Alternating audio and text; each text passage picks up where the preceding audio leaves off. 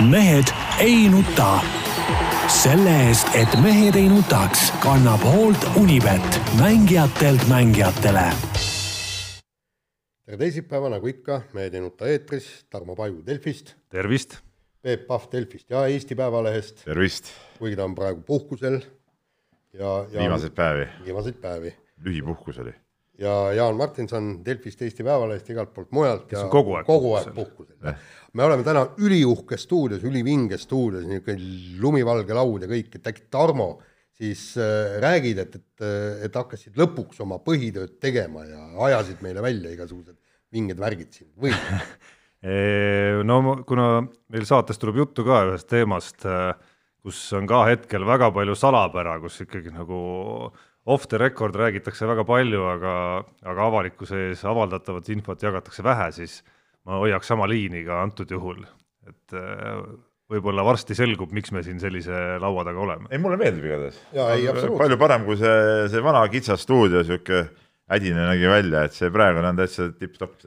ja no seda ma juba siia tulles mõtlesin, mõtlesin öelda uksest sisse tulles meie nendele inimestele, kes selle siin püsti panid.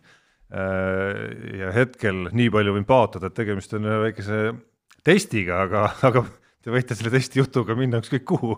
et järgmisel teisipäeval olgu sõltumata asjaoludest sama stuudio püsti. jah.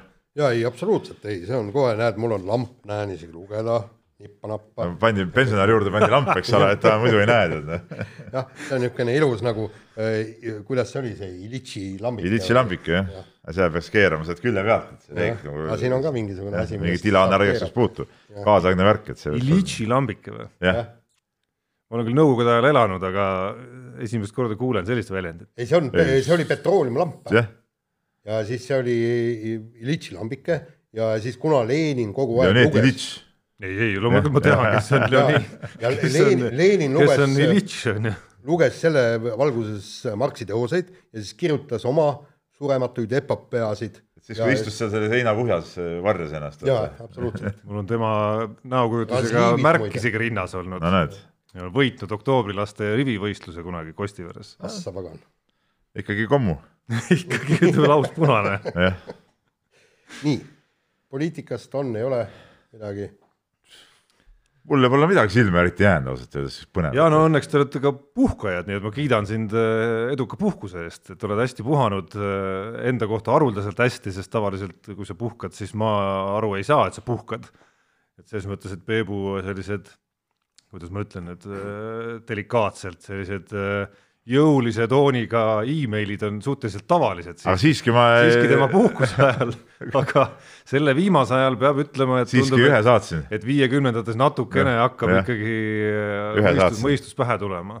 seda enam, et õues on ilus suvi ja ja, ja ma arvan, et eduka puhkuse aluseks siin võib praegu siis muna õpetada kana on siiski see, et lülitada võimalikult palju ennast äh, sellest uudistemaailmast välja. ja ma vaatasin, mul tuli isegi mobiili, äh, mobiili peale tuli see kiri üks päev, et ma olin äh, mingi nelikümmend kolm protsenti vähem mobiilis olnud kui, kui tavaliselt. no bravo.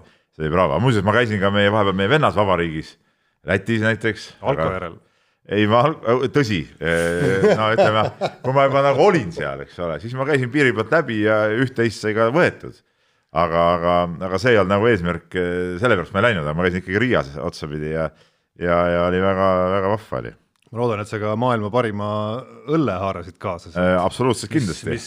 Valmiera muisat sa pead silmas. peab ütlema ikkagi äh, vähemalt äh, nii-öelda nagu mulle teadaolevatest markidest kahjuks on tehtud Lätimaal ikkagi, see on seesama Valmier muisa hele õlu, jah. täpselt seda ma võtsin ka, jah kaks plokki, kaks plokki. korkisin alles üleeile pärast ja. treeningut selle lahti, sauna. kuule, äkki läheks mingi muu teema juurde, mul hakkab suu muideks vett jooksma. anna kuuma. jah no ei saa noh. nii äh,, jamad on Eesti Vabariigis sündinud, et äh, kaitsevägi, kes kahe tuhande kuuendast aastast peale pidas endal spordirühma, kuhu siis olid kaasatud nii-öelda sõjaväe suunitlusega äh, sportlased, kes said sõjaväest palka, no mitte suurt palka, aga neil olid kõik auastmed, palk ja nad said vabalt trenni teha ja nad kaitsesid äh, Eesti armee au sõjaväelaste maailmameistrivõistlustel, mis on ääretult prestiižne võistlus muidugi. ja nüüd siis anti teada, et äh, sõjavägi keskendub põhitööle ehk siis Eesti Vabariigi kaitsmisele ja kogu see spordirühm loo-, löödigi laiali. Heiki Nabi, äh, sõudjad meil äh, kolm väga tragit noort laskesuusatajat said kätte koondamisteate ja nüüd peavad vaatama ise, kuidas hakkama saavad. no lollus, midagi muud ei jää siin, ei jää, ei jää siin üle öelda, et, et ütleme, kui mujal maailmas, eks ole, on ju tavaks, et äh, sõjaväesport on nagu spordisüsteemi üks osa ja, ja spordi rahastamise üks allikaid, siis, siis Eesti tahab ikka ujuda jälle mingit, mingit vastuvoolu ja ma ei tea, kes, kus niisugused rumalad inimestel rumalad mõtted tulevad, et, et niisuguseid otsuseid teha. no põhimõtteliselt sa, Jaan, seda asja uurisid? ja ma uurisin ja, ja noh, nad ma ei tea, no ütlevad, et, et eelarve on pingeline ja kõik ja, ja kuigi tegelikult läheb ju selle spordirühma Äh, kuludeks kolmsada viiskümmend tuhat eurot aastas, mis on tegelikult seda no see on ju kommiraha. kommiraha, kui vaadata Eesti Kaitseväe üleüldist eelarvet. ja noh, nagu räägitigi, et, et see hispaanlaste välja tulistatud äh, rakett, mis siiamaani kuskil Eesti piirides seikleb, teda, seda pole üles leitud, et see maksis äh, väidetavalt nelisada tuhat, ehk siis üks rakett maksab rohkem kui kogu selle spordirühma aastane eelarve. no naljaga pooleks, naljaga pooleks äkki sellepärast äh, oligi vaja see kokkuhoid tekitada, aga noh, tegelikult ei pea see muidugi paika, aga kolmsada viiskümmend tuhat muidugi noh, ei saa nüüd öelda, et mingi kommiraha. no ütleme, see suures, ütleme kaitseväe eelarves on see ikkagi kommiraha ja, ja, ja, ja mina näen selles käigus ainult ühte, spordi vihkamist, spordi vaenulikkust, ma ei oska, ma ei oska mitte millegi muuga niisugust asja seletada no nii palju, kui ma lugu tegin, ma rääkisin paljude inimestega, mõni rääkis äh, oma nime all, äh, mõni rääkis äh, mitte oma nime all, ehk siis palus tundmatuks jääda. Ants Laaneots, meie erukindral, rääkis mulle palju rohkem, kui, kui ma sain ajalehte kirjutada ja ta ikkagi ütleb, et et kõige taga on, on siis kaitseväe juhataja Martin Herem ja siis tema nii-öelda ähm, alluvad, kes, kes ühel, ühel hetkel leidsid, et äh, aitab küll, et ERM-il on üsna savi sellest spordist, on, ei ole, noh, tähendab ta tippspordist. tippspordist jah ja., just, et, äh, et aga noh, et temal pole selle vastu midagi, aga, aga seal olid tal siis nõuandjad, kes ütlesid, et, et teeme nüüd üks-null ära, aga mis nüüd äh, tegelikult kogu asja äh, värk on, on see, et tegelikult see mainekahju on, on märgatavalt suurem kui see kolmsada viiskümmend tuhat eurot esiteks on juba see, et, et no kuidas sa lähed nüüd äh, NATO tippkohtumisele ja, ja hakkad seal rääkima, kuule, meil on nüüd niimoodi, niisugune asi, et, et meil enam spordirühma ei ole. kusjuures ma vaatasin, nad tahtsid välja astuda sellest sõjaväespordiorganisatsioonist. Euroopas on äh, kuulu, ei kuulu sellesse organisatsiooni kaks riiki, üks on Vatikan ja teine on britid. aga britid teevad ometi armeesporti, nad lihtsalt ei kuulu siia organisatsiooni, neil on väga tugeval äh, tasemel see sport ja nüüd siis kõik need riigid lähevad sõjaväelaste mängudele, sõjaväelaste nii-öelda olümpia. jaa, aga neil on need maailmamängud, mis on siis teise maailmasõja lõpu puhul korraldatakse ja selle auks. ja, ja meile öeldi, järgmine aasta me sportlasi välja ei saada nendele võistlustele. no mul on tunne, et sa mingil määral muidugi punnitad üle, et NATO tippkohtumisel ma arvan noh, julgen väita, ei tule küll kuskilt otsast jutuks see, et eestlased, mis te nüüd tegite seal, et äh, kindlasti aga on seal, kindlasti on seal mingisugused vähe teistsuguse kaaluga no, kuskil ütleme kohvilaua kuskil, jutus, kohvilaua taga võib see jutuks tulla küll. kuskil võib-olla nendes nii-öelda sõjaväe spordiringkondades ja seal võib see olla nagu suur teema, et eestlased, mis nüüd nagu toimub. ei, aga vaata, kui suur on ikkagi see sõjaväesport igal pool maailmas, võtame kas või Itaalia, ma vaatasin äh, viimastel maailmamängudel äh, Itaalia vehklejad tähendab, ütleme niimoodi, et, et kõik see naiste vehklemise medalistid, kõik olid mitmekordsed maailma või Euroopa meistrid, absoluutsed maailma tipud, eesotsas maailma edetabeli esimese öö, öö, rumeenlannaga. Popescuga, laskesuusatamine, furkaadid, kõik, suusatamine, seal on ju isegi määrdemehed on ju armee palgal, eks. ja, ja, ja igal pool üritatakse võimalikult laiaks tõmmata, sellepärast et, et nad on rahvaga ühtsed ja nad tulevad oma riigi spordile appi. Meie... No just, just, just need suured see... riigid, võta, võta kõik need suured riigid, Saksamaad, kõik, kõik Prantsusmaad, no see on täitsa tava, see ei ole mingi, mingi tot- tot- totalitaarsüsteemi on näide. absoluutselt teada, aga kui natukene, natuke nagu teiselt poolt mõelda, siis eh, eks see ju natuke kunstlik on ka, te olete nõus ju sellega, et see sõudjate võtmine armee palgale, et me sisuliselt räägime sellisest eh, ütleme nagu heasoovlikkusest ja, ja spordi, tippspordi toetamisest ja mõnes mõttes nagu sponsorlusest. Eesti Kaitsevägi, kui see summa oli kolmsada viiskümmend tuhat, noh sisuliselt kolmesaja viiekümne tuhandega sponsoreeris Eesti tippsporti. aga kaitsevägi peab midagi vastu ka andma, nad peavad midagi vastu ka andma, inimesed ju käivad seal, ma ei tea, aega teenimas seal, mis nad nagu annavad meile vastu, seda annavadki, et nad võtavad osa, osa spordikulusid ja, ja asju enda kanda, no see on, see on eks nad, loomulik eks. nad siiski annavad mingit turvatunnet nagu,. no ütleme, see väike Eesti sõjavägi ei anna siin mingit turvatunnet sul, no sa saad ise ka aru, et see on ju nali ju tegelikult. aga ma ütlen, see, see on natukene nagu kunstlik see, sest need ei ole ju päris sõjaväelased ei siiski., sa saad aru. selles mõttes see, see kasutegur nagu kitsalt nagu kitsalt kaitseväele, et kas ta on ikka nagu nii suur? kuule, esiteks see on rahvusvaheline tava. See on rahvusvaheline tava, igal tugeval armeel on oma tugev tippsport. teine asi on see, et vaata, kui pa- palju Tiidemann, endine tippsportlane, läks ju armeesse. rääkisin Kaspar Taimsoga, ka tema soovis oma tulevikku siduda öö, kaitseväega. kes sealt on veel, Priit Narusk on, on läinud, kui me vaatame, kui palju meil neid tippsportlasi on läinud nii-öelda armeeteenistusse üleaja teenijaks öö, hilisemal perioodil. et see on nagu üks märk. Ja teine märk on ju ikkagi see, et, et tõesti noortele näidata, et, et Eestis oleks noortel eeskuju, tippsportlased, sellele tuleb õlg alla panna. aga nüüd on see, et praegu öö, kaitsevägi viriseb, vaata kogu aeg on ju artiklid, et need ei suuda täita norme, vaata kui haige on Eesti ühiskond, vaata kui palju on neid öö, nii-öelda ebaterveid noori, kes ei ole öö, võimelised sõjaväekohust täitma, see on armeepoolne virin. aga nüüd palun tehke midagi selleks, et Eesti ühiskond ei ole nii haige.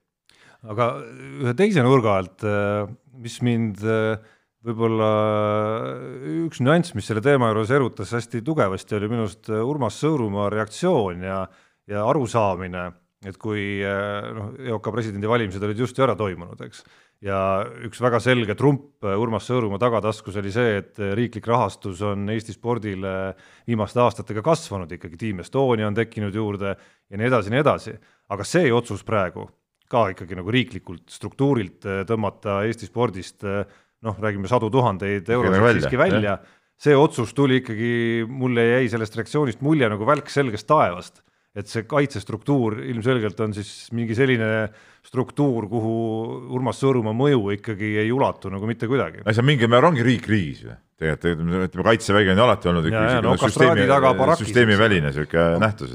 aga muide, selles mõttes on huvitav, et, et ma kuulsin, kuulsin sellest, tähendab, ühesõnaga hakkab sealt pihta, et umbes kaks aastat tagasi juba taheti see spordirühm ära kaotada, aga, aga siis suudeti protsessi vältida. Ja nüüd oli, oli siis jälle, tähendab, aga, aga noh, keegi nagu väga täpsemalt ei teadnud, aga nüüd oli eh, kuidagi eh, kardinate taga aeti seda asja väga võimsalt. ja, ja eh, paar allikat, kes mulle siis informeerisid, et niisugune asi juhtub, siis olid väga imestunud, et presi-, EOK presidendivalimistelt seda punkti välja ei toodud. aga see näitas, kui, kui, kui kardinate taga kõik see asi toimus, sellepärast et praegu oleks äh, Tõnu või, Vänt- või jättis Urmas Sõõrumaa sellise mulje? et oota, aga, aga mis see väljatoomine oleks, Ei, mis see väljatoomine oleks ei aidanud? no Ei, ta no oleks pidanud hakkama ju nii-öelda nagu, sisuliselt ei oleks see mitte midagi aidanud. ei no ta oleks, kahjuks me ei tea, kas ja kui palju ta näiteks äh, suutis nii-öelda nagu kella lööma üldse, häirekella lööma hakata võib-olla, kui see juba kuid oli susisenud. jaa, aga see oleks Tõnu Tõnistel oleks ju äh, väike trump käes olnud, näed, mees räägib siin, et ar armee tuleks appi ja kõik nii, aga vaadake, mis toimub tegelikult. ja see toimub ju Urmas Sõõrumaa presidendi oleku ajal. ja et üks suure osa sellest äh, peab ju lappima, nagu Sõõrumaa ise ütles, nüüd EOK ise oma jah. olemasolevate vahendite arvelt. ja, ja kusjuures on see, et, et okei okay,, oli see palk, mis oli, aga seal olid ka teatud treeninglaagrid neile maksti kinni ja, ja kõik, eks. see on nüüd alaliidule kuluv ja võtame nüüd meie laskesuusatajad. sealt nad said ikkagi korraliku sissetuleku, sealt nad said padrunid, sealt nad said relvad, näiteks see laskepeeter Olesk sai, sai sealt ju ka relva pluss pad- padrunid, mis on kulu, on ikka väga suur jah. väga suur, eks. ja, ja nüüd tuleb siis eh, nendel vaestel alaliitudel laskmis, laskurliit ei ole just eriti noh, jõuline veel laskesuusaliit. sponsorite leidmine ka väga lihtne ei no ole kindlasti. absoluutselt noh, ja, ja nüüd pandigi selles kahvlisse ja ütleme niimoodi, et, et see, kuidas, kuidas see asi kõik käis, ühesõnaga nad lootsid selle vaikselt teha seal kuskil nurga taga ära, selle spordirühma kaotamise ja siis, kui ma helistasin, siis mulle allikas andis paar tundi hiljem teada, et täna õhtul saadetakse kõikidele teade, koondamisteade ja just selle Et nad ei artikli lehest, eks ole, et nad ei jah. oleks lehest, on ju, eks. et põhimõtteliselt ma võib-olla kiirendasin nagu mõne, mõne nädala võrra. selles suhtes see oli ikka paras susserdamine niimoodi poolsalaja ja, ja, ja õlma all kuskil tehtud. ja siis äh, armee inimesed siis imestasid, et noh, kas see siis nii suure kella külge, et noh, mis see ei no vot, see näitab seda, et nad ei tea, et nad ei taju seda, sõjaväelaste kõige suurem häda ongi see, et nad tegelikult reaalset elu ei, ei taju. see on kõige hullem viga, mis, mis sõjaväelaste küljes on ja seda ma kogesin juba Nõukogude armees teenides, et, et et praporščikud ja, ja, ja leitnandid ja kaptenid ei taju, mis on nagu päris elu ja ja mulle tundub, et seesama asi kehtib siin ka Eesti sõjaväes täpselt samamoodi tegelikult. jah, aga, aga, aga, aga muide, väike pluss on sellel asjal väidetavalt olemas, et nad nüüd äh, nii-öelda öö, sporti tegevaid ajateenijaid toovad nüüd väidetavalt juurde.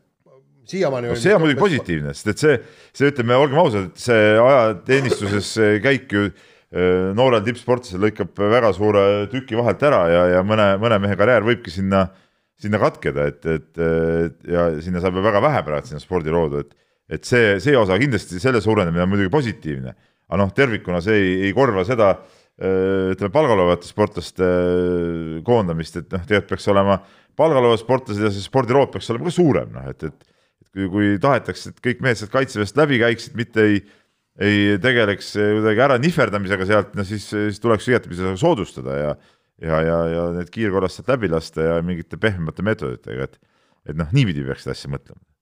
nii, aga vahetame teemat, läheme natukene salapärasema teema juurde, puudutab see siis rallit. nädal tagasi sai siin hurjutatud Jaani, et mis seemneid ta seekord söönud on.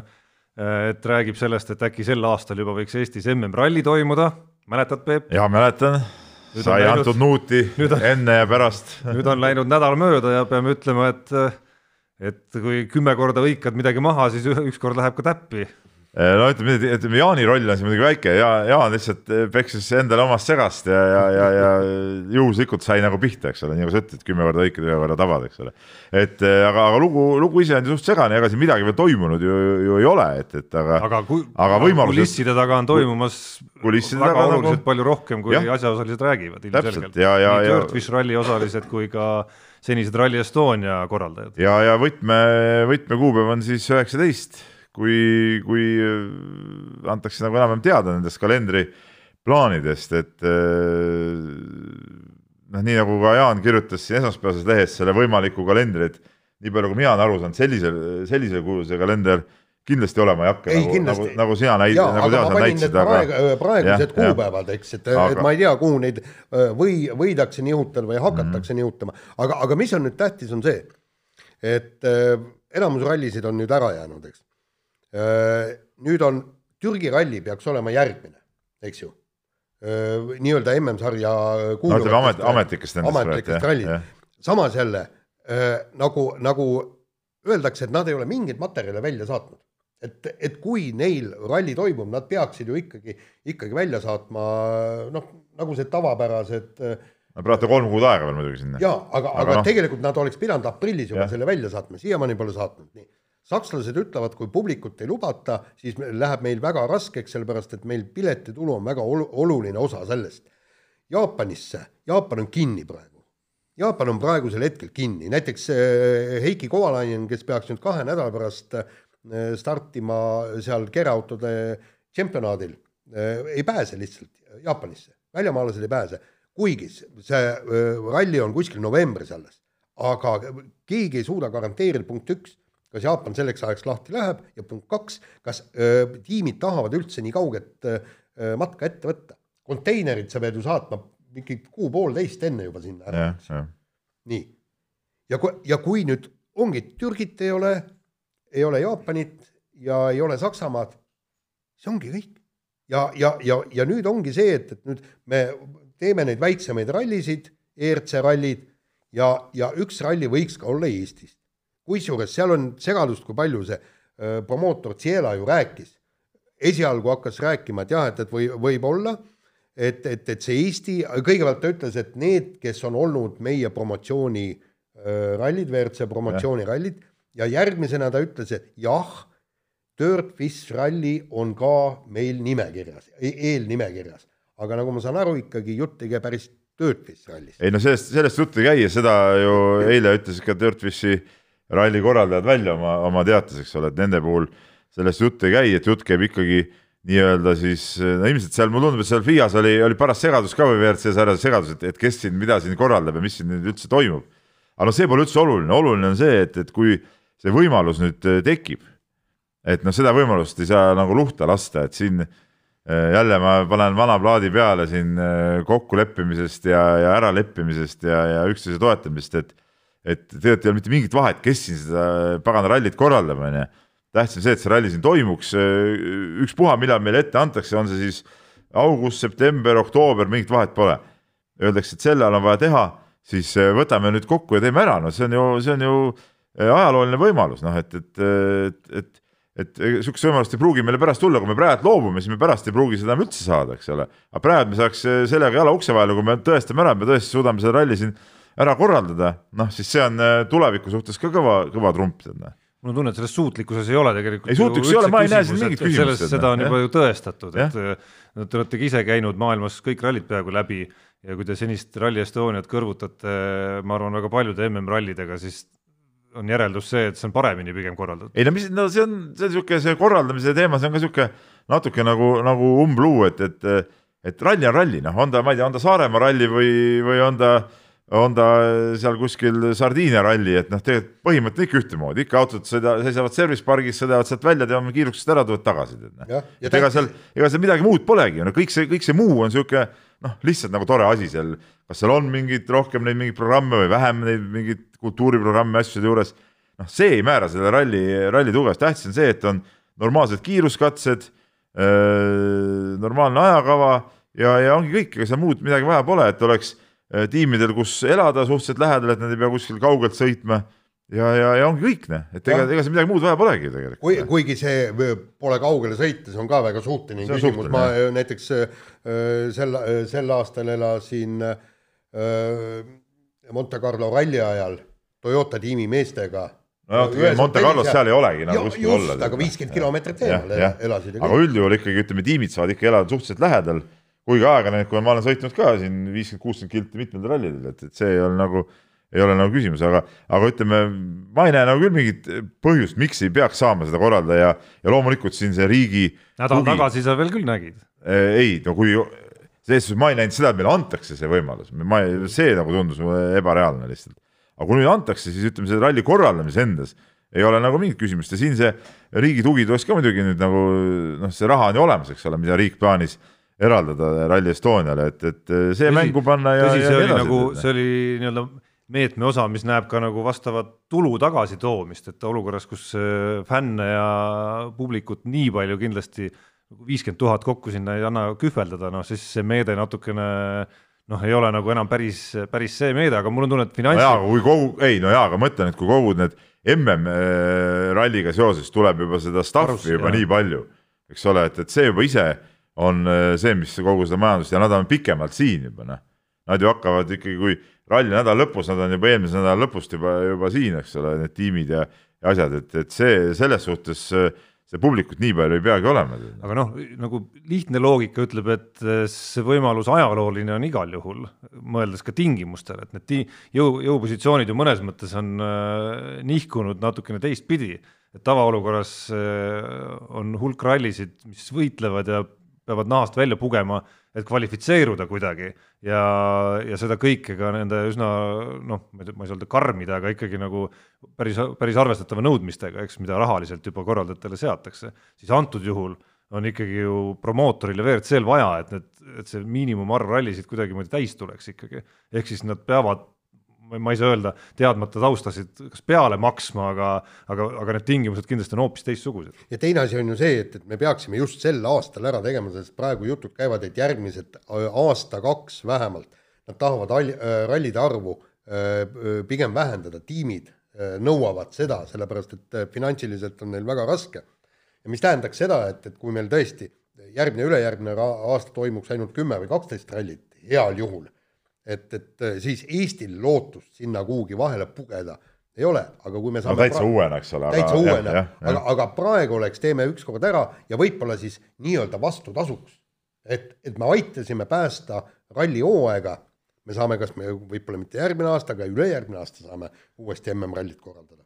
noh, lõppkokkuvõttes saab ka nii mõelda, et isegi, isegi kui seda ei juhtu tänu sellele, siis äh, vähemalt on nagu korra tehtud. korra tehtud. jaa, absoluutselt nii, aga korra on tehtud ka äh, Andrus Veerpalu poolt äh, niisugused, kuidas ma ütlen, pätitegusid, mis on siis sundinud nüüd äh, Eesti antidopingut äh,. ei ole veel tõestatud. ja no okei okei okei mis sundis Eesti antidopingut äh, võtma vastu sellise otsuse, nüüd avalikustatakse ka kõik ajutise võistluskeelu all olevad äh, sportlased, mida varem nagu ei tehtud, eks ole. oota, Tarmo, pättidega oli Veerpalu poolt kindlasti, sellepärast kui tal oli ajutine võistluskeeld, siis, siis ta, käis, ta, jah, jah, ta ei oleks tohtinud minna kuhugi võistlema, ta ei oleks äh, tohtinud Eesti meistrivõistlustel abistada oma lapsi, suusakepid käes. Ja, ja, ja nüüd ongi ja, ja, ja mis ta nüüd tegelikult tingis sellega, et võistluste korraldajatel ja teistel kõik, nad ei tea, et, et Andrus Veerpalu on ajutise võistluskeelu all, kui seda välja ei öelda. ja siis ta saakski nagu rahulikult majandada, vaata et startiga ronida, on ju. ja, ja, ja eriti veel kuhugile teisel spordialal võistlema saaks ju minna, eks, ja pärast on jama, kui palju ja korraldajad saavad ka pikki päid selle eest. aga nüüd tulemus on see, et, et rahulikult meil oli siin üks tõstja praegu siis tegeleb vist, nagu ma saan aru, fitnessiga. naistõstja Äh, jah, naistõstja jah, et, et äh, kellel olid siin, äh, kelle organismist leiti mikrokogus molekule, anti ajutine võistluskeeld ja tegelikult reeglite järgi nagu ei tohiks seda välja riputada Eesti antidopingu kodulehele, aga paraku seda tehti. ja, ja, ja just sellepärast, et Veerpalu ei ole suutnud ennast vaos hoida. et no selles suhtes on õige, minu arust, et tulekski, tulekski avalikustada, et, et kui on ajutine võistluskeeld ära, et ikkagi midagi on ju leitud, noh et, et äh, siin kuniks mingid kohtuveskid kuskil jahvatavad või, või midagi siin arutatakse, no mis, miks seda siis praegu varjama peab, et, et ka muidu ütleme tavaliselt kohtulood mul jääb ka sama, mul jääb ja. sama loogika järgi ka natukene segaseks see argument, et, et nagu see oleks suur äh, nii-öelda põhiõigus, et see peab igal juhul olema nagu varjatud, et noh, kui ta lõpuks see tühistatakse ja, ja ta saab justkui nagu õiguse, siis loomulikult jätk-, nagu järgneb sellele see teade, on ju. No. aga, aga see, see, see, et see esialgne võistluskeel keeld ei ole avalik, ei tee seda esialgset võistluskeeldu olematuks, võistelda ta ikka ei saa.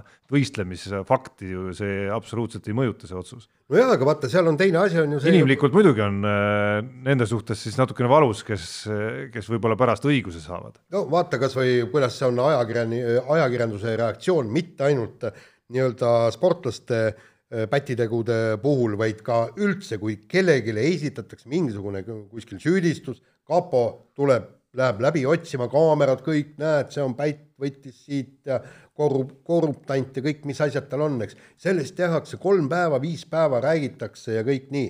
ja, ja siis, kui ta saab õiguse siis jube hea, kui kuskil ülaribas tuleb väike uudis. et ei, ei olnudki süüdi, on ju, pettu-, pettumus kui suur. jah, aga antud juhul me räägime pigem mingisugusest nii-öelda ringkonnasisesest äh, nagu, teadaolemisest, kas ei, see on no, see ajutine no, või ei ole. üldiselt dopingu asjad ei ole nagu väga ringkonna. ma mõtlen, kui sa võtad nagu need, sellesama nimekirja, mis avaldati, et seal sellist nagu avalikku suurt avalikku huvi tekitavaid kaasuseid ju tegelikult ei olnud. jaa, aga, aga, aga tegemist oli ikkagi, ikkagi nagu amatöörsportlastega. jaa, aga kui tuleb mõni niisugune kaasus kui tuleb mõni niisugune kaasus, sest võta nüüd, vaata, kuidas see oli selle Kristiina Smiguni juhtum.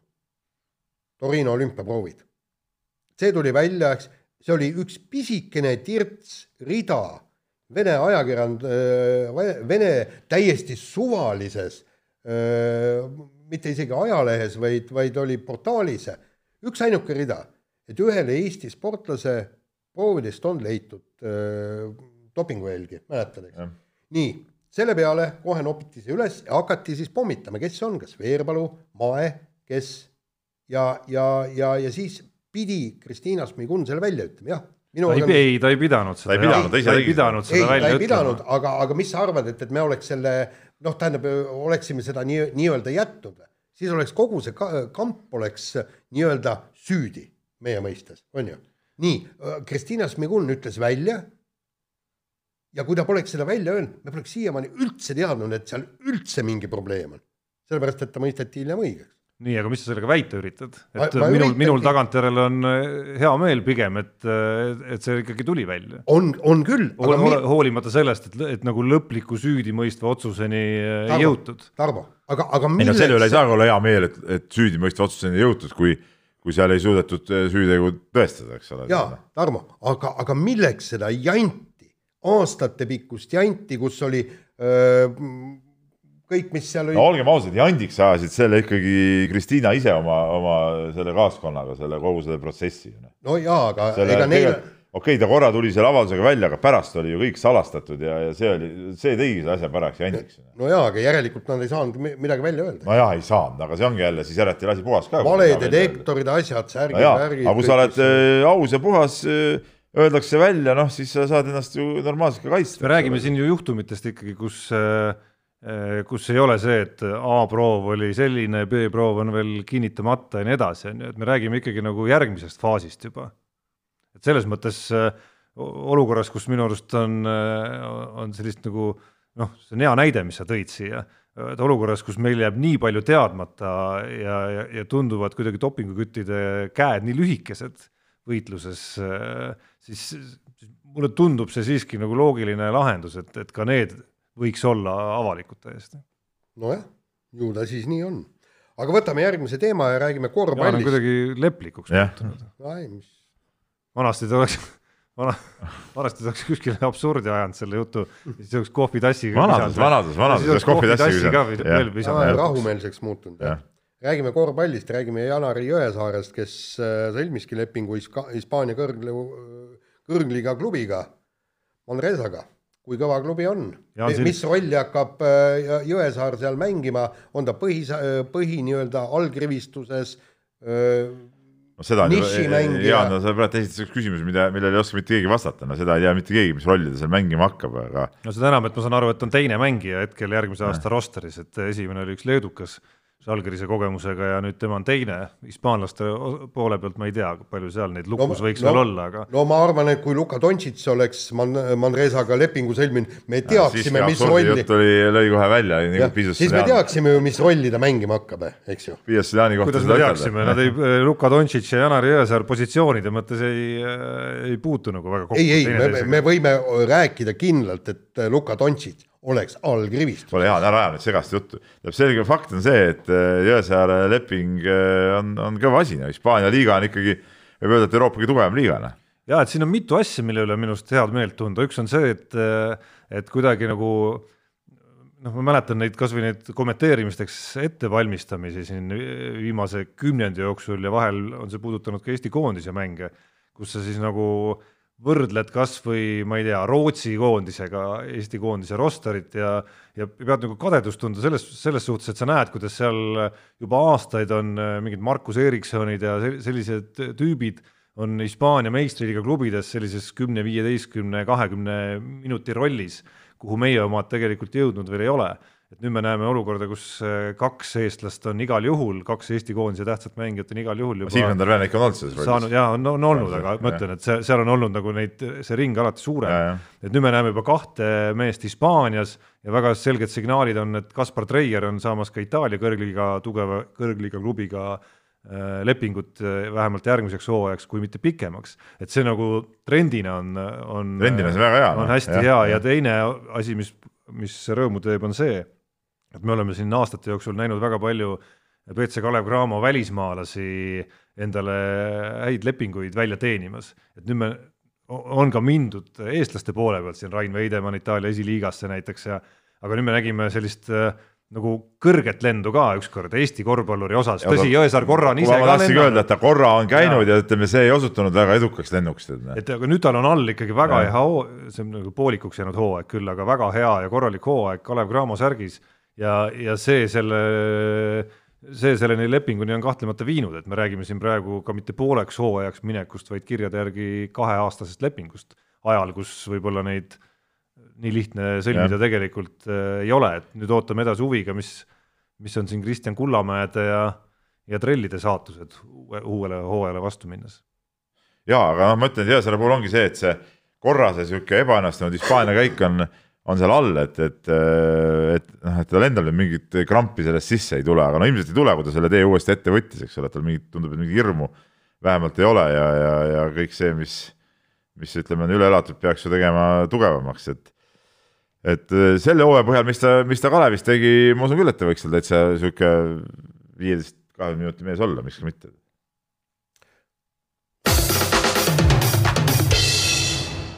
võimas kõll ja kiire vahemäng. Jaanus Kriisk, meie eks-EOK presidendi kandidaat, kes ennast maha, maha võttis, andis teada, et, et Urmas Sõõrumaal ei ole EOK presidendina tegevuskava ja täitevkomitee näol näeme, et ei ole ka inimesi. et öö, oleme jõudnud perestroika aega tagasi, kus öö, poliitikuid kuhjati nii-öelda komisjonidesse, nõukogudesse ja, ja sinna lisati mõni spetsialist ja, ja siis prooviti selle kambaga kuidagi asju ajada. üks asi on täiesti õige ja, ja, ja mis minu meelest ongi väga suur puudujääk, on see, et, et ei ole tegevuskava, ei ole programmi.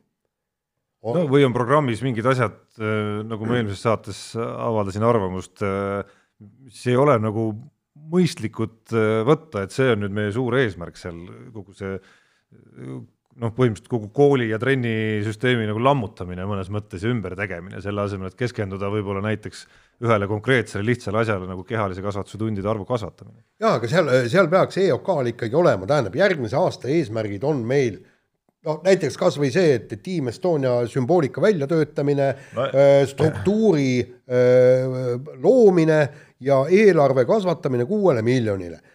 Järgmine aasta on see asi ja siis tähendab noh, ma lihtsalt toon ainult ühe, ühe eesmärgi nagu välja, aga, aga seal, kuidas integreerida neid sportmänge sinna, kuidas neid paremini rahastada, kõik see, et kõik niimoodi samm-sammult, seda, teist, kolmandat, neljandat, kõik nii. ja siis me saaksimegi vaadata, kui neli aastat on möödas, mis sellest tehtud on.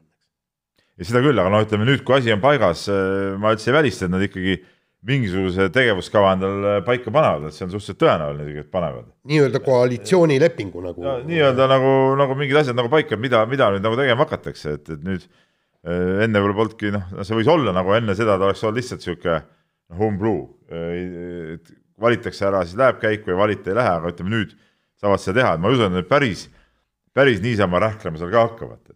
No aga kas eelmine kord pandi midagi paika või? no eelmine mingid kord, no,, aga võib-olla me ka kõike ei tea, no mulle tundub, et see mingid asjad ikkagi ütleme enda sees nagu pandi paika, et sama see Team Estoniaga edasiminek ju seda näitas, et eh, ega see ei tulnud siis niisama, et et eh, täna tõusis, ärkas üles hommikul, mõtles, et pagan, noh, peaks Team Estoniale mingit raha juurde kuskil Ei,. oota- päris nii ei käinud, see oli ikkagi nagu mingi süsteem. oota, eelmine aasta, kui esimest korda Urmas Sõõrumaa presidendiks sai, ei olnud e- Team Eelmine Estoniast isegi tagasi. või jaa, neli aastat tagasi ei olnud ju isegi Team Estoniast mingit noh, haisugi siis. nad hakkasidki seda asja lõpuks ajama.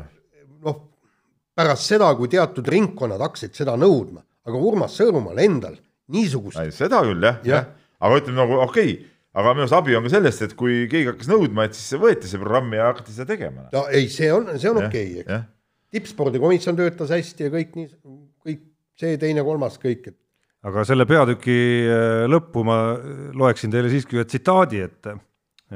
jutumärgid algavad. miks Urmas? kuulsin tema juttu meie esinemisel maaspordiühing Jõud liikmetele ja mingi hetk tundus, et ta on asjale päris hästi pihta saanud. tõenäoliselt ka sellele, mida teinud ei ole, kuigi oleks saanud. Oli tekkinud sportlik kirg, annaks talle veel ühe võimaluse, suure võimaluse teha ära midagi suurt.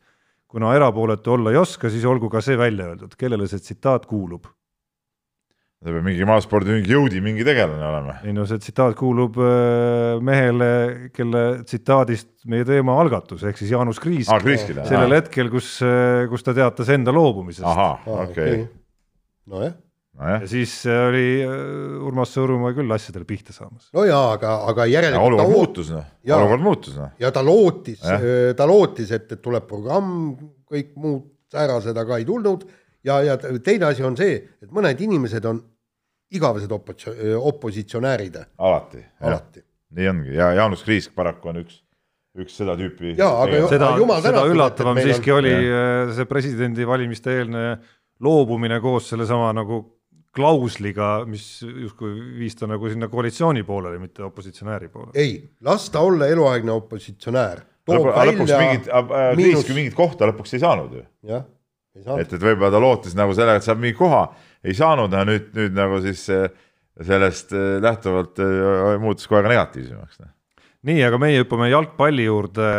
Eesti Päevalehes ilmus siin mõne päeva eest äh, eile, põnev lugu Tarmo Kingiga, kes rääkis oma karjäärist, kasutamata võimalustest, agendi tapmisest, vigastustest, aga rääkis ka Eesti jalgpallist äh, ja sellest, kuidas noored on nõrgad ega rüga piisavalt trenni, aga kriitikat ka ei tehta.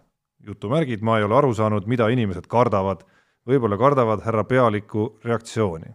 no kindlasti kardavad härra Pealiku reaktsiooni, kuna härra Pealik on siis Aivar Pohlak, eks ole, ja, ja Eesti jalgpallis kõik ju toimub eh, vastavalt sellele, mida Pohlak eh, ütleb, soovib, tahab, et et noh, see on, see on nagu loomulik, et ega Pohlaku vastu väga ei juleta minna, sellepärast et see võib tuua kaasa teistpidi su ütleme, jalgpallialasele tegevusele, arengule teatud tagasilööke. ja, ja, ja põhiliselt see, mis Kink rääkis, et meie jalgpallurid, noored jalgpallurid teevad vähe trenni. Ja nagu ta soovitas re regionaalseid akadeemiaid, et, et Eestis see oli väga hea mõte tal minu arust. Öö, väga hea mõte, neli-viis akadeemiat, kuhu võetakse parimad, ehk siis parimad saavad mängida ja treenida koos parimatega. ja, ja, ja minu meelest see- need kingi näited on head ja mida ma olen ka siin saates toonud, eks. ta tõi seal ühe ilu, iluvõimlemise näite, eks. et, et kui mul oli kaheksa-aastane lapselaps käis iluvõimlemise trennis, trenn kestis kolm pool tundi. Ja tõesti tehti seal kõvasti, kõvasti trenni, eks. Vaadata, kuidas mul teine lapselaps ujumistrennides käib, see on kindlasti palju pikem aeg, pluss ta käib veel hommikul ka trennis, eks, pärast kooli trennis, oluliselt rohkem tehakse trenni kui jalgpallurid. ja, ja, ja see on ka, me pole mingit kahtlust, et, et need, kes tippu jõuavad või tahavad tippu jõuda, treenivad oluliselt rohkem ja see peaks saama, Pohlak peaks järgmisena just seda punkti vaatama, et lõpetame selle tilulilu. meil on üks, üks öö, grupp on äh, nii-öelda sotsiaaltöö grupp, kuhu me toome lapsed, kes natukenegi tunnikene poolteist liigutaks ennast päevas. kui mõni sealt üles kasvab, tahab hakata tõ- tõsist trenni tegema, palun. aga, aga need, kes tahavad tippmängijaks saada, neile tuleb trenn peale panna. jah, nii on, absoluutselt, nii, aga jalgpalliga läheme edasi ja Narva Transil on asjad üsna hapud, ei ole neid võite kuskilt tulemas ja ja viimati kaotati Paidele, kus siis Paide meeskond sai väidetavalt olematu penalti abil selle võidu ja Narva Transi peatreener Cenk Skan oli siis püha viha täis ja ütles järgmist, see on siis nüüd tsitaat, et kuidas me saame ikkagi võimalikult autentselt seda esitama praegu, ma ei tea, kas sa nägid No, seda ETV-s no või ma- inimesel oli pisar silmas, pikad pausid ja ta oli sellises Kreisi raadio, mäletad see, kes äh, oli raha enam ei ole, ta oli nagu selles stiilis, sa peaksid ette no kuna ma seda videot ise pole näinud, eks ole, olen seda siit lugenud, siis ma päris kehastuma ei hakka, aga, aga tsitaat oli siis järgmine, et, et kuidas me saame edukad olla, see on võimatu, ma ei taha kohtunikest midagi rääkida, aga aitab. Need on meie pisarad, teeme kogu nädala tööd ja vaadake, vaadake palun iga kord, igas mängus. no ütleme nii, et eh, seosetu jutt muidugi, aga, aga point on siis selles, et kohtunikud tegid ilmselgelt neile liiga. Kreisi raadio jutt, see tegelaskuju, ma ei mäleta, mis ta nimi enam oli, oli ka üsna seosetu tervele mõistusele, aga antud juhul vähemalt peab ütlema, et ega penalti oli muidugi täitsa olematu. täiesti olematu nagu- täiesti olematu. ma ei, ma, ma ei ole küll kindel, kas ta ainult sellest rääkis, aga, aga penalti oli muidugi üsna jõhker. ja ma ütlesin, et, et eh, iga kord on niimoodi igas mängus, et siis nagu oleks no muidugi kaarte lendas, nad said vist kaheksa kollast kaarti ja, ja, ja kõik neil. eemaldati ka üks mees enne võiduväravat napilt just. just, aga, aga kui nüüd vaadata tõesti, kui me vaatame seda, seda penalti olukorda, no se- sealt punkt üks see oli päris hea panso oli. ja seal oli Panso kool, et, et, et Transi mängija isegi puutunud. huvitav, kas kohtunik on saanud ka karistada selle eest, et just, vot siin on nüüd teine küsimus on see, et, et jällegi ma lähen nüüd ookeani taha ja kui seal tekib säärane olukord, siis kohtunikud tavaliselt vabandavad või põhjendavad, miks nad säärase otsuse tegid. aga meil on vaikus, praegusel hetkel tundub, et kõik oli õige, et nii peabki, tähendab ühesõnaga, et eh, peabki määrama penaldi, kui eh, mängija lihtsalt äh, näitleb ja kukub no. Ilma, et vastane teda puudutab no see on nagu selles mõttes punnitad üle, et, et peabki nüüd nii üle. tegema, et võimalik, et no, võimalik, et me lihtsalt ei tea, et kuskil kohtunikud kindlasti, ma olen täiesti kindel, kohtunikud analüüsivad seda ja teevad seda päris tõsiselt. Jaa, aga see- aga see tuleks- küsimus on selles, kui palju nad eh, ka avalikkusele nendest eh, järeldustest siis teada annavad ja antud juhul ma loodan, et Peep küll on puhkusel, aga saab selle sõnumi siit kohe oma usinatele reporteritele edastada, et nad uuriksid, mis sellest saanud on. Seda tuleb igal juhul uurida. nii, aga, aga veel kord ma ütlen. Noh, Euroliigas on saanud ka viimastel aastatel korvpalli näitel tavaks, et kuigi see ei ole nagu NBA-ga võib-olla võrreldav veel, siis, siis ikkagi nende viimaste minutite eksimuste kohta tehakse päris ausad raportid ikkagi, et kui seal on äh, mingi viga jäetud vilistamata või vilistatud ebaõiglaselt, siis, siis need tulevad ka avalikuks ja sellest on rääkinud ju nii Aare Halliko kui Rain Peerandi, et et siis üld-, kui mingi sellise kala läbi lased, siis neid nii-öelda määramisi jääb mõnel perioodil jälle vähemaks no see on tegelikult isegi siin, ma tean ka isegi Eesti korvpalliliigas on, on nii-öelda kohtunike külmutamisi toimunud, et, et, et siukseid asju ikka juhtub. nii et uurime välja ja see asi tuleb järgi uurida, jah. vaatame edasi. ja Nii. Tarmo, veel kord, üldsus saab praegusel hetkel aru, et sellises olukorras peabki penalti märkama, sest neil ei ole kuskil keegi öelnud, et kohtunik eksis. nii, võtame järgmise teema. rassismiskandaal Eesti korvpallis. Soome no see on mingi täielik umbluud, ma ei, ma ei teaks seda teemat, seda lahatagi. Soome tumedanahaline korv, korvpallikoondislane äh, Jamar Wilson andis teada, et äh, kaks aastat tagasi mängus Eestiga ta läks vabaviskeid viskama ja ta kuulis, et äh, eestlased räägivad temast, kasutades äh, ebasündsaid väljendeid, aga mis ei olnud N-tähega väljendid. aga, aga väidetavalt siis arvati, et see võib olla M-tähega väljend, et meie omad olid öelnud must. Ja ta oli väga solvunud, siis ta läks, rääkis oma treeneriga, seal oli mingisugune pool tundi, arutas seda asja, ühesõnaga vend on täiesti löödud ja Eesti on rassiste täis. kusjuures ma mäng-, käisin sellel mängul tead kohal. ma tegelikult vaatasin, kuna me ise mingi kandsime, pooletunnist arutelu ma seda küll ei mäleta. ei, ei, pärast mängu kõik, pärast no, mängu, me sõitsime kohe tagasi Eestisse. me kandsime kusjuures ise seda mängu üle ja ma vaatasin, et neli korda, kui ta vabaviskejoonel käis, üle isegi, aga ikka nagu otsides ei leidnud ka sealt absoluutselt mingisugust nagu nii-öelda nagu, nagu mingitki kohta, kus tekiks mingigi kahtlus, et sel hetkel nagu midagi oleks kuskilt kostunud ta kõrva, mis teda häirinud oleks, aga eks see asi on natuke suurema kella külge muidugi läinud ka, kui kui see nagu algne eesmärk mul on tunne oli, et noh, lõppkokkuvõttes ma ei tea, kui palju ta süüdistas, tehti tavapärast lugu, kus küsitleti erinevaid sportlasi nii-öelda nagu kogemuste kohta ja siis ta nagu muude asjade seas rääkis eh, selle näite ka sinna ja järgmisel hetkel oli see Eestis juba nagu selline nagu, et nüüd mees võttis ette ja kukkus süüdistama, et et ta, tema käest küsiti, üks korvpalliportaal küsis nüüd tagantjärele ka, et et, et ka siis oli tema jutt ikkagi selline, et kuule, laseme nüüd olla ja lähme edasi, on ju ei no see on jah, tegelikult need kõik need siuksed mingid ka vanade asjade väljatoomine, see on täpselt nagu oli see naiste see Me Too kampaania, eks ole, sama, sama tase tegelikult, noh. roppus. nii, kohe, kui midagi juhtub, tee kohe ära ja mis see kaks aastat taga, tagust asja üldse hakkad rääkima praegu no just jah, see lollus kuubis teil? nii, sinna me praegu ei lähe, küll aga läheme sinna? See on ainult kõigi seisukoht. saate kiire vahemängu viimase osa juurde ja rõõmustame selle üle, et spordimaailm läheb lahti ja isegi meistrite liiga jalgpall saab vist tšempioni sellel aastal Istanbulis, planeeritakse siis kaheksa meeskonna kas mitte Portugalis ei olnud see? ei, viimane värk, viimane jutt oli minu arust Istanbulist aa, okei. juba ja NBA hooaeg plaanib siis Disneylandi kolida. Kaht meeskonda, et seal siis enam kui kolme kuu jooksul ka tšempion välja aga minu arust see NBA tšempion, see pidi selguma vist oktoobris siis lõpuks, eks ole. no see, see uus hooaeg peaks juba peale olema. Ei, seda natuke nihutatakse ma saan aru, aga no see on nagu nõme ju tegelikult, noh. no kui mul valida, kas see või mitte midagi, iga kell valiks ei selle. miks, nagu uus hooaeg hakkaks juba sügisel pihta, onju. mis vahet seal on? See on nagu, oled advokaat praegu mõttele, et, et sporti pole nagu vajagi. ei, mitte sporti pole rahvas, vaja. rahvas januneb. aga minu arust noh, see, mis januneb, uus hooaeg hakkas juba pihta ju noh, saad aru, et kuna nii sügiseni midagi ei toimu sisuliselt noh, millal see NBA hooaeg seal pihta hakkab noh? see peaks hakkama siis ütleme augusti lõpus kuskil või?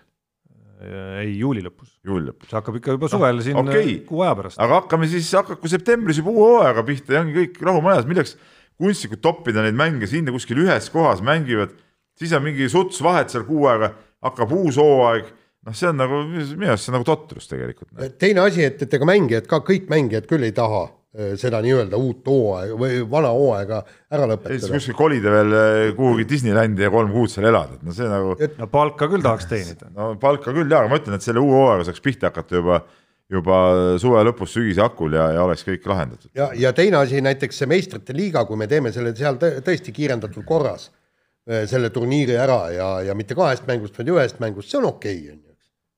see on okei okay., praegu jalgpallihooaeg ju siiski, siiski käib igal no, pool. no selge, et see, millest ju räägi-, millest tegelikult lugu on, on väga suured äh, rahad, eks ole.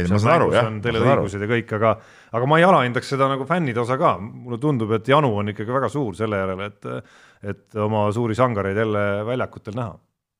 selles mõttes ma olen väga rahul. Unibetis saab tasuta vaadata aastas enam kui viiekümne tuhande mängu otseülekannet, seda isegi mobiilis ja tahvelarvutis. Unibet, mängijatelt mängijatele. nii, kell see läheb ikka üsna halastamatult siin, arvaku me enne saadet mida iganes siin stuudios tiksub see kell palju kiiremini, kiiremini, jah. nii, aga meie Unibeti omavaheline mõõduvõtt on toonud teile ka edulugusid? ei ole edulugusid toonud. tead, mulle vist tõi, tähendab, kuna see vahepealne edu... see edu, edulaine on, ütleme nagu taandunud. et see, see edulugu oli vist niivõrd minimaalne, et, et ma, ma eriti seda ei märganud, et ühesõnaga panin jälle kaks panust, üks oli äh, positiivne ehk võitsin, teine negatiivne ehk kaotasin ja, ja võitsin nende kahe panusega kokku mõnikümmend senti ja mul oli vist kakssada seitsekümmend üks euri. no mina olen liikunud äh, kahesaja üheksakümne seitsme koma kuuekümne üheksa euroni, nii et äh, null, nulli piir ehk siis kolmsada eurot on lähedal. minul on see kakssada seitsekümmend, ütleme alguses seal kuskil, ma praegu täpselt ei mäleta peast. vot nii. aga oleks ma selle ka teise pihta pannud, siis ma oleks. üle kolmesajaga või? Ei no see, aga Tarmol kannul väga. no aga Peebu no,, jällegi. Peebu ärritamiseks ma muidugi ei saa jätta ütlemata, kuhu ma ka panustasin. E-sport muidugi. ei, kahjuks mitte, see ajaks ta harja nagu eriti punaseks veel. küll aga oli tegemist siis äh, vabavõitlusega jällegi ah,. see oh, on siis mõtet. ehk siis äh, viimase UFC Neid ei tohiks lugeda. kahe minu arust ka neid võta maha. kahe viimase nii-öelda nagu peamatši võitjad, Vettori ja Calvillo sai pandud täpselt. Ernst Vettori või? Vana suusahüppaja on läinud vabavõitlusesse. ei, Ernst, äh, see mees ei olnud, aga. sa mäletad siukest suusahüppajat? muidugi. aga, aga uue nädala panustamistest rääkides, siis äh, äh, selgelt jalgpall domineerib praegu, kuigi äh, tasub ära markeerida, et sellel nädalal läheb ju ka Hispaania korvpalliliiga näiteks ja. lahti, Saksamaal mängitakse juba ammu, aga Hispaanias läheb see hooaja lõpu turniir, kus palju see nüüd oli seal, kaksteist kaksteist satsi. parimad vist olid kokku toodud Valenciasse ja, ja seal selgitatakse meister välja.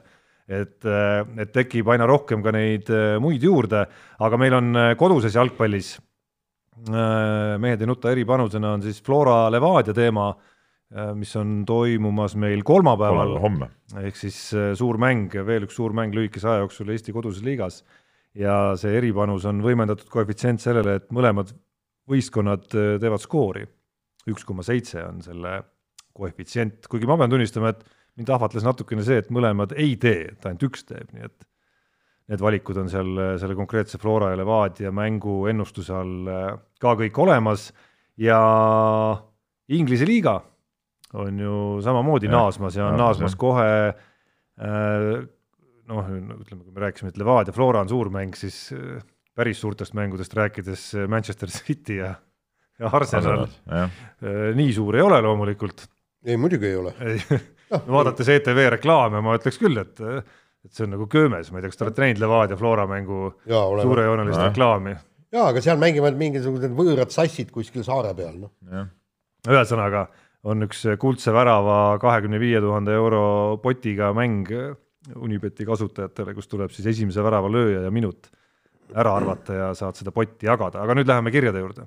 Nii, kirju on muidugi palju, kõiki me kindlasti ette võtta ei jõua enam, aga võtame siit niimoodi ja huvitava väike parandus ka, ikkagi Lissabon on see meistrite liiga finaalturniiri peatuspaik, ma ei tea, kus Türgi on praegu veel kinni, muideks.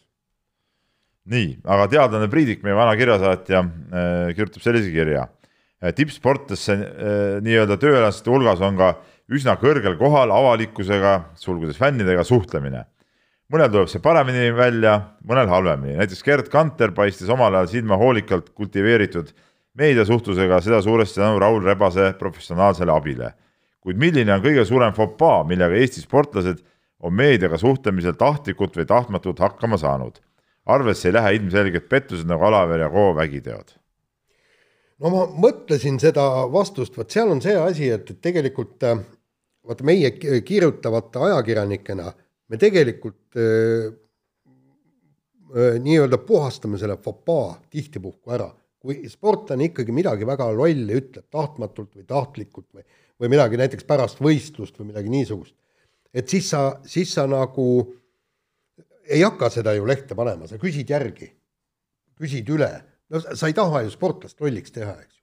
ja ma noh, mul on neid juhuseid olnud ja ikka jah, jah, aga, aga no mis me, me, mis tuleb, on, on ju sellest, et äh, ku- kus kohas see Kristiina, aga see ei olnud meie ajakirjanduses, kui ta ütles, eks, et, et äh, ei peaks olema tema konkurent Penteskaar, vaid Benskaar jah, jah. Ja, ja siis sellest muidugi kohe Ben Johnson, doping, värgid, särgid kõik, eks.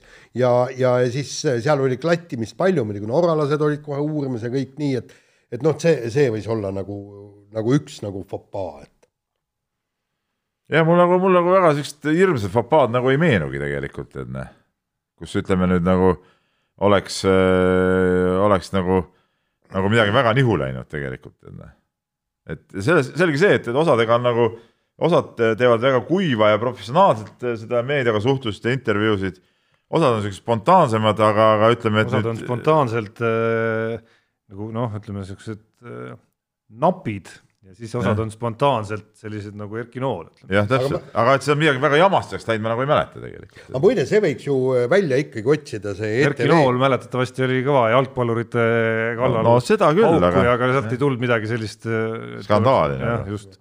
et ETV peaks välja otsima selle vana intervjuu Juss Laansoga, kui ta oli vist mingi kaheteist-kolmeteist aastane ja mis äh, ko- koosnes ainult äh, jah või ei vastustest, oli niisugune kaheminutine intervjuu legendaarne. noore- noore oli, teema, eks. ole. aga, aga samas jälle äh, noh, teine asi on see, kas on mõtet minna niisugust äh, intervjuud tegema ja kui sa ka selle ära teed, kas seda on mõtet eetrisse lasta? vot see on küsimus. no sellist, sellist on minu arust mõnes mõttes isegi ägedam vaadata, kui, kui võib-olla lihtsalt sellist nagu ei olnud seda napisõnalist, et noh, okei okay,, üks asi, mis mulle meenus natukene äh, erksamates, erksamatest ülesastumistest on muidugi äh, korvpalli EM-finaalturniir kaks tuhat viisteist Riia.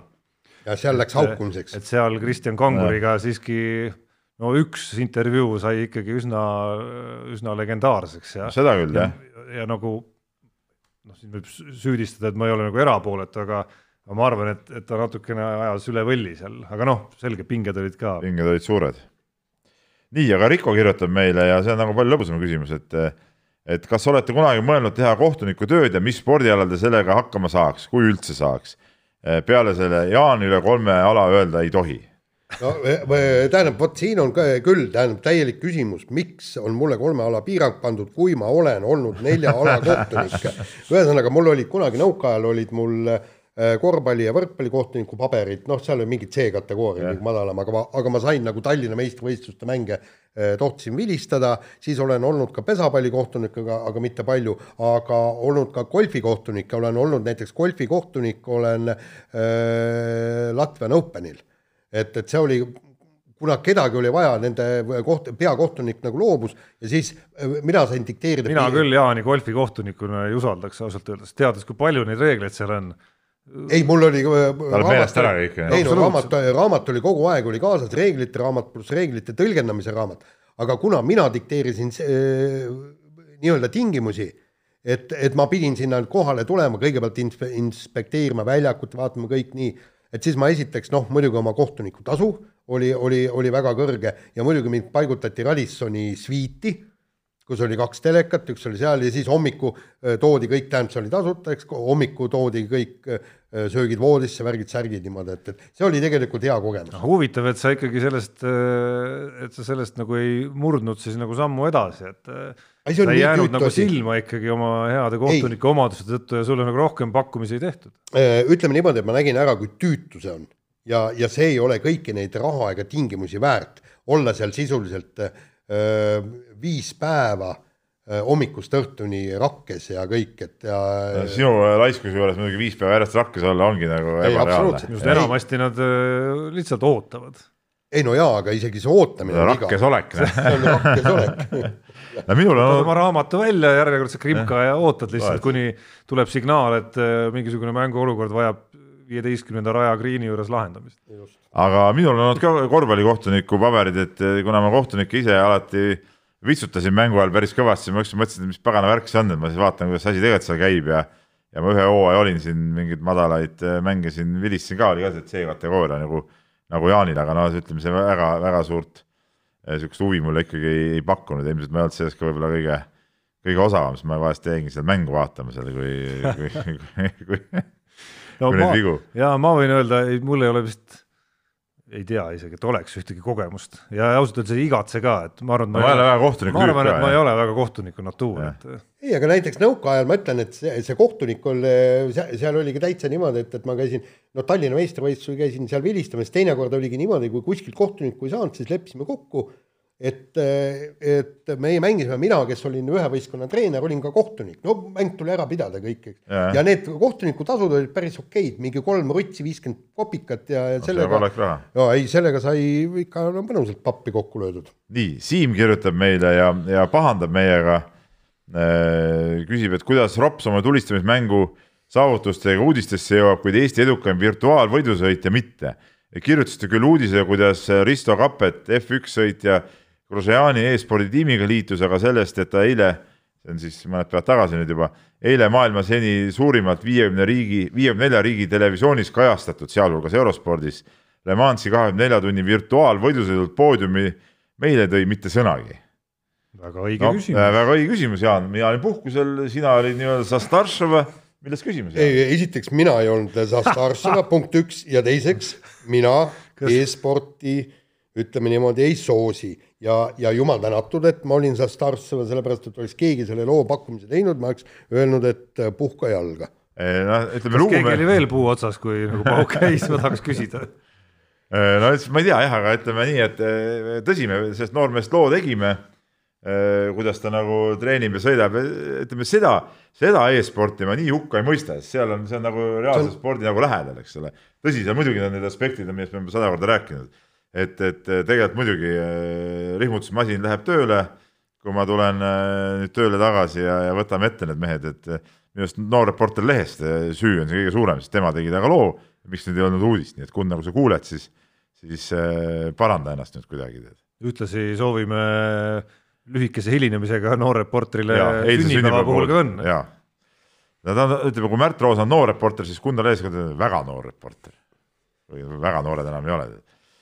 nii, aga võtame siis ühe kirja kiiresti veel ja, ja Urmas kirjutas meile ja, ja jutt käib sellest samast eh, suurest rallist ja, ja, ja natuke pahandab siin ka, et kogu see jant selle ralliga on samasugune vastuvoolu ujumine, on ikka vaja tulega mängida, viirus ainult ootabki, et uus võimalus saada.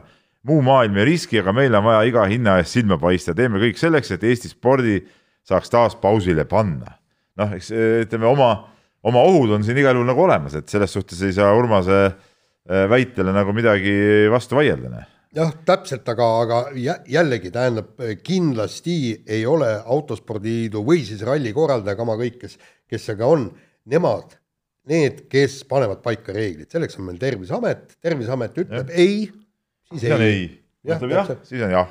kui öeldakse mingid tingimused, siis on vastavad tingimused No, no,, sellest väga lihtne kõik. ja et eks te ju sellest kriisiajast teate mind pigem niisuguse nagu manitsejana siin on ju, aga noh, selge on ka see, et kuidagimoodi peab üritama selle eluga nagu edasi minna ikkagi ja, ja, ja vaatama, mismoodi viirus ühele või teisele sammule siis reageerib, mitte jääda lihtsalt nagu nii-öelda hiberneeritud staatusesse kuskil kaevikutes ootama, et, et kuni meil on, ma ei tea, vaktsiinid, ravid, mis iganes olemas, et et noh, kuidagitoodi tuleb need sammud läbi teha ja kui see juhtub, siis jälle, jälle rohkem sulgema hakata ja rohkem keelama hakata. Ma ma nagu teist viisi edasielamiseks planeedil Maa ei näe. just, ja teine asi on ka see, et, et tegelikult tahaks juba sporti näha ja ma olen, ma, ma tegelikult juba igatsen seda rallit kama kõik, kas kohal olles või, või siis äh, vaadates selle ralli tv kaudu ja, ja asi on isegi nii hulluks äh, läinud, et ma olen vaada, vaatama hakanud isegi Eesti jalgpalliliigat. Jaa, aga ralli, oi see on ikka see on, see on, see on karm ja ja kuhu sa tahad langeda muidugi. oi, ma ei tea, kuidas ei no aga mis teha, noh,